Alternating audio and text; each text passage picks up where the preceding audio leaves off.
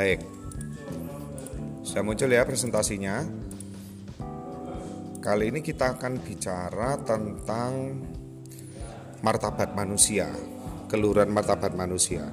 Sebenarnya keluhuran martabat manusia ini eh, erat hubungannya dengan hak asasi manusia ya. Oke. Di sini saya tuliskan bahwa manusia itu ingin dihargai. Bagaimana seseorang sangat ingin diterima, dihargai di dalam masyarakatnya, di dalam kehidupan sekitarnya. Nah, ya. Tetapi kadang ada orang yang kecewa apabila orang itu akhirnya direndahkan martabatnya, tidak dihargai, ya. Itu menjadi sebuah kekecewaan bahkan bisa berujung dengan hal-hal lain yang lebih mengerikan. Nanti silakan dibaca teks dari Sakeus. Sakeus ini orang pendek ya, orangnya pendek, dia pemungut cukai.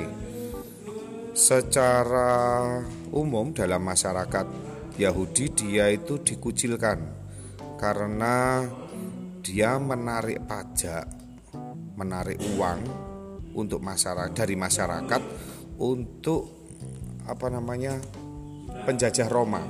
Jadi dia ini pasti dianggap sebagai antek anteknya penjajah dan itu dibenci. Pada waktu Yesus lewat, Sakius ini ingin bertemu dengan Yesus. Nah, ini sebuah awal pertobatan Sakius sebenarnya. Nah, dia akhirnya naik pohon karena dia pendek, naik pohon ara dikatakan seperti itu. Pohon ara itu tidak terlalu tinggi sebenarnya. Tapi ya lumayan lah. Dan Yesus melihat Sakius selalu menerima menerima Sakius. Tentu reaksi orang-orang di sekitarnya yang melihat itu ya mereka akan wah ini temannya penjajah ini ya bolo sama Yesus ini ya dihargai oleh Yesus. Nah itu yang akhirnya diprotes banyak orang. Tapi di situ Yesus menunjukkan bahwa Yesus itu dia mau menghargai orang bukan berdasarkan apa yang dilakukan tetapi karena martabatnya martabatnya jadi kita menghargai orang itu bukan perkara apa yang dilakukan apa yang menempel pada dirinya tetapi karena dia memang manusia yang harus dihargai gitu. nah, dengan bertemunya Sakius dengan Yesus maka Sakius bertobat ya dan menjadi murid Yesus serta dia berhenti menjadi pemungut cukai. Nah, nah ini saya kasih contoh aja ya. Apa sih ukuran kita menghargai martabat orang itu? Pertama, biasanya orang itu dilihat dari harta bendanya. Kalau dia miskin, dia kaya, lalu muncul ya. Kamu nggak selevel dengan saya, kita beda secara ekonomi ya. Lalu jabatan, berdasarkan jabatan. Memang di Indonesia ini dulunya adalah eh, orang-orang yang dijajah.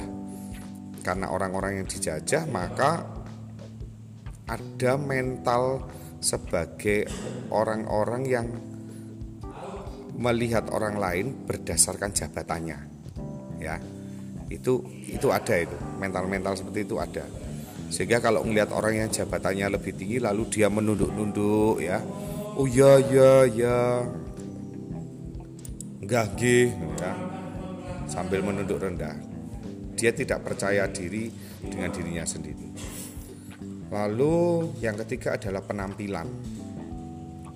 Ya dalam bahasa Jawa ada ini ajining rogo soko busono artinya gini orang itu dihargai karena penampilannya. Tetapi penampilan seseorang juga tidak bisa jadi alasan untuk merendahkan atau meninggikan orang lain. Tidak bisa. Ya. Ada lagi katakan gini, jangan melihat uh, dari covernya ya. Cover itu bisa menipu. Bisa. Tetapi memang ada dua pendapat di sini ya. Jadi Orang memang harus menghargai dirinya dengan berpenampilan secara baik. Dari pepatah Jawa tadi, ajining rogo soko busono. Jadi uh, dia harus menghargai dirinya.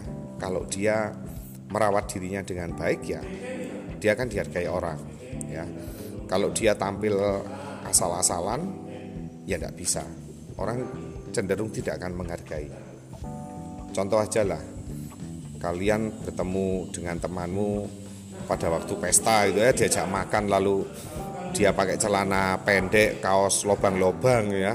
Ya kaos memang lubang pasti. Kalau kaos nggak lubang nggak bisa masuk kamu. Maksudnya lubang-lubang tidak karu-karuan ya compang camping seperti itu. Tentu orang kan akan risih kan kita itu risih gitu loh. Mosok diajak makan di restoran ini pakaiannya compang camping kan ya tidak lucu. Maka kita harus menjaga penampilan kita tetapi bukan berarti orang dinilai dari penampilannya. Ya. Oke.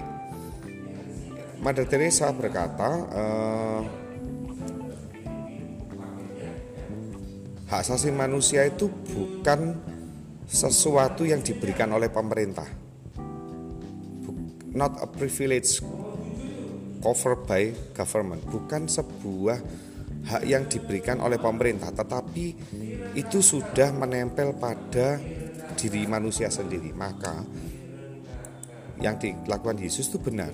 Dia tidak menilai Sakeus dari apa yang menempel pada dirinya, tetapi dari uh, memang martabatnya dia sebagai manusia. Ya. Oke okay, next. Apa tindakan perendahan martabat manusia ini yang sering terjadi. Abuse. Ya. Abuse baik oleh orang tua kepada anak anak kepada anak siswa satu kepada siswa lain guru kepada siswa siswa kepada guru ya. Sebaliknya bisa begitu ya. Gurunya di abuse sama siswanya bisa jadi ya.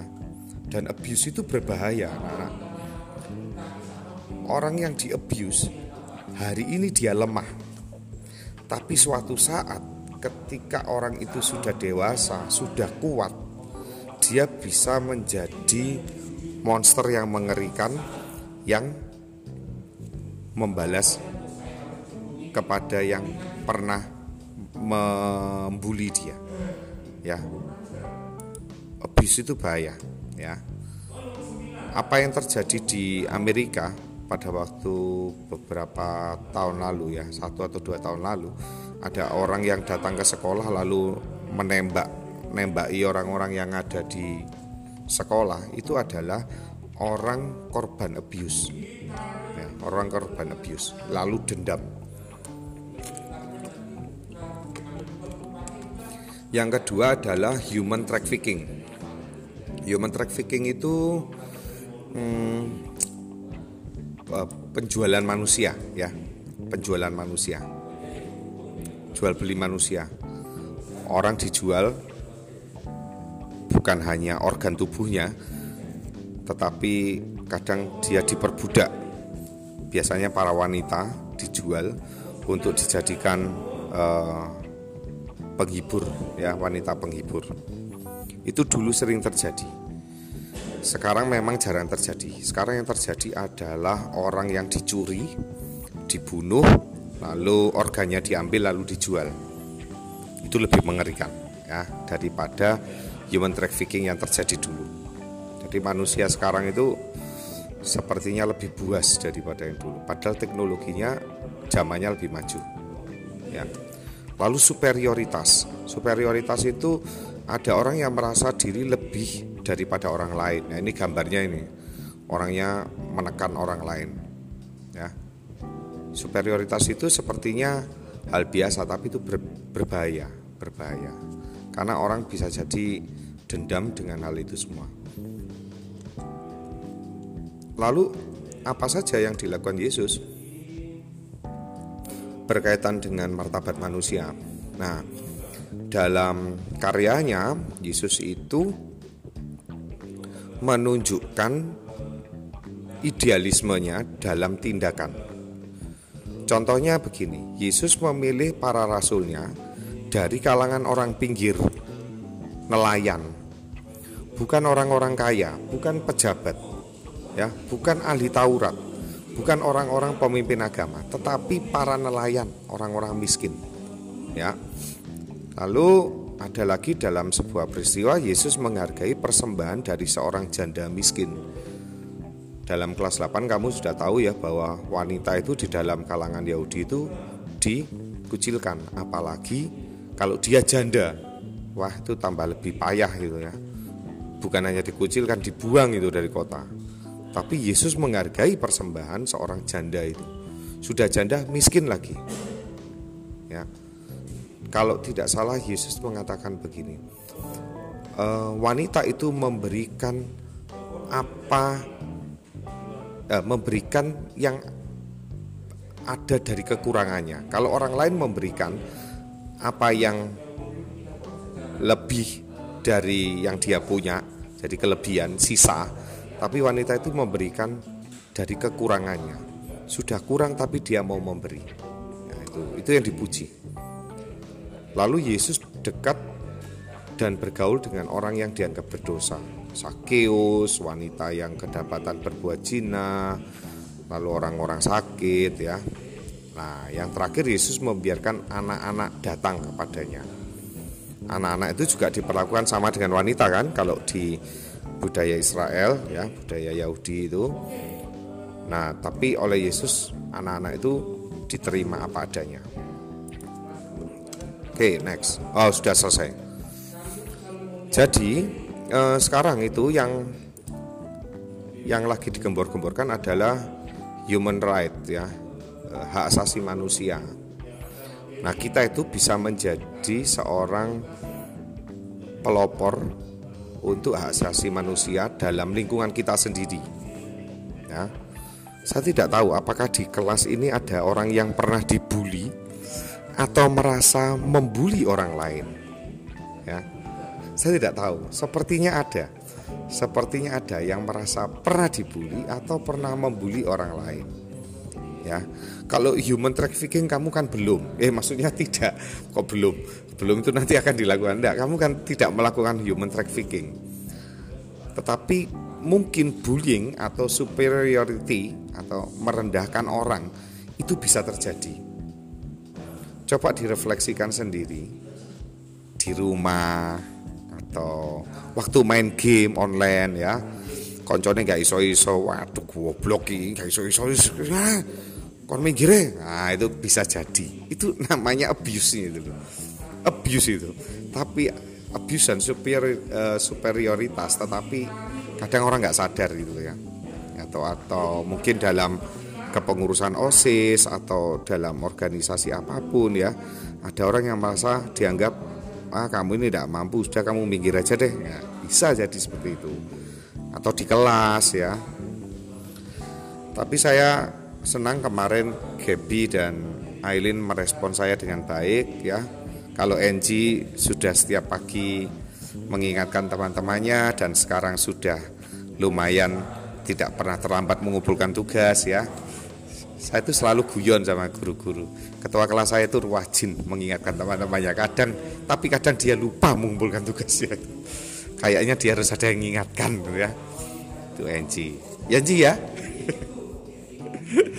Tidak apa-apa, tidak apa-apa. Tenang aja. Ada sisi baik yang pernah dilakukan.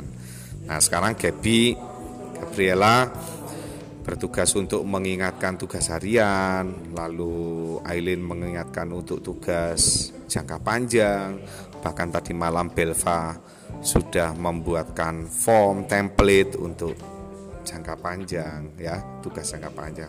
Ya enggak apa-apa, itu namanya bekerja, orang saling menghargai satu sama lain, bantu satu sama lain.